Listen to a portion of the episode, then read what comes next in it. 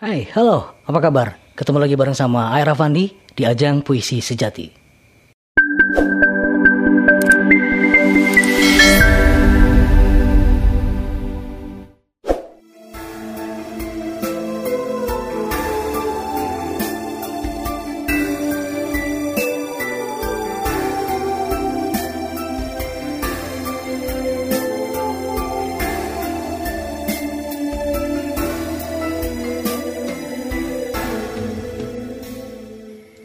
Sembahyang Rumputan. Karya Ahmadun Yosi Herfanda.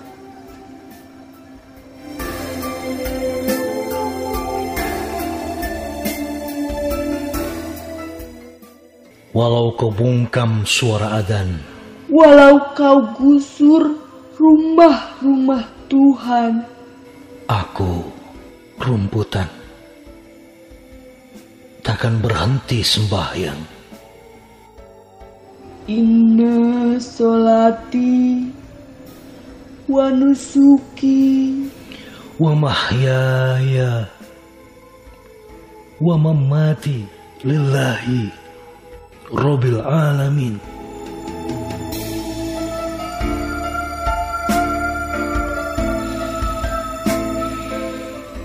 Topan menyapu luas padang Tubuhku bergoyang-goyang.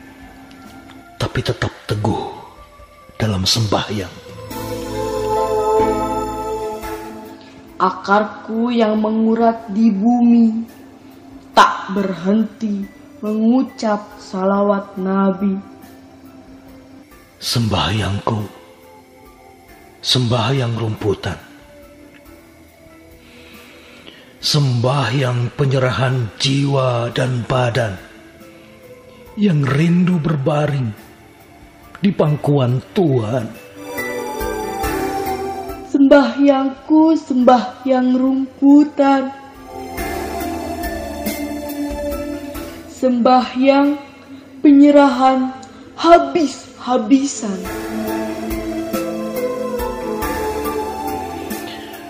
Walau kau tebang Aku akan tumbuh sebagai rumput baru Walau kau bakar daun-daunku Akan bersemi melebihi dulu Aku rumputan kekasih Tuhan. Di kota-kota disingkirkan, alam memeliharaku subur di hutan. Aku rumputan Tak pernah lupa sembahyang Sesungguhnya, solatku dan ibadahku, hidupku dan matiku hanyalah bagi Allah Tuhan sekalian alam.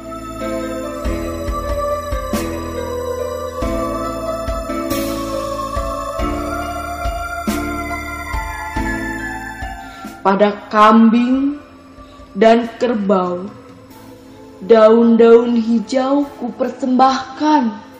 Pada tanah, akar kupertahankan, agar tak kehilangan asal keberadaan. Di bumi terendah aku berada. Tapi zikirku menggema menggetarkan jagat raya. La ilaha illallah. Muhammad Rasulullah. Muhammad Rasulullah.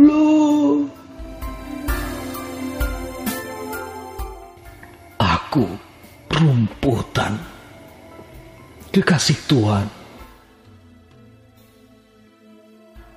Seluruh gerakku adalah sembahyang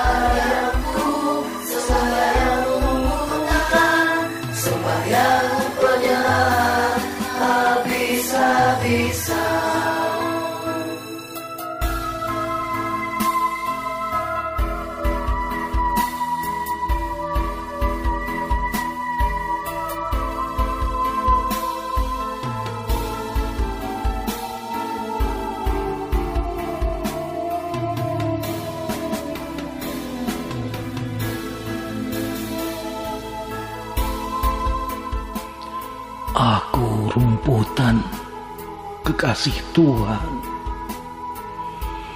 Di kota-kota disingkirkan. Alam memeliharaku subur di hutan.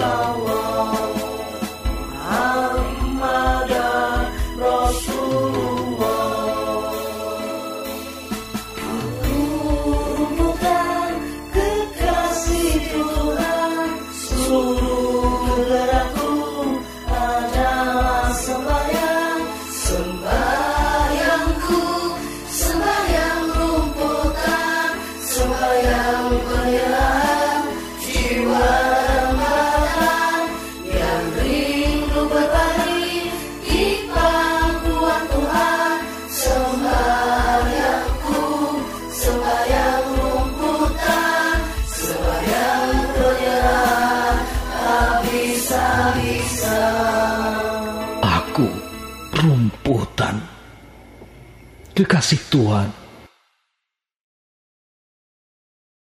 Seluruh gerakku adalah sembahyang. Oke, itu tadi pembacaan puisi Ahmadun Yusi Irfanda yang berjudul Sembahyang Rumputan. Juga ada eh, musikalisasi puisinya yang digarap oleh Teater Salembur SMP PGRI Cigebang di tahun 2016-an 2015-2016.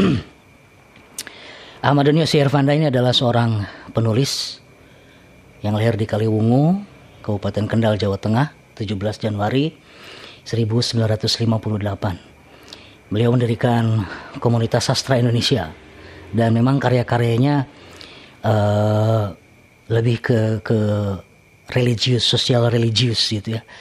Sama dengan puisi sembahyang rumputan yang barusan kita dengarkan tadi.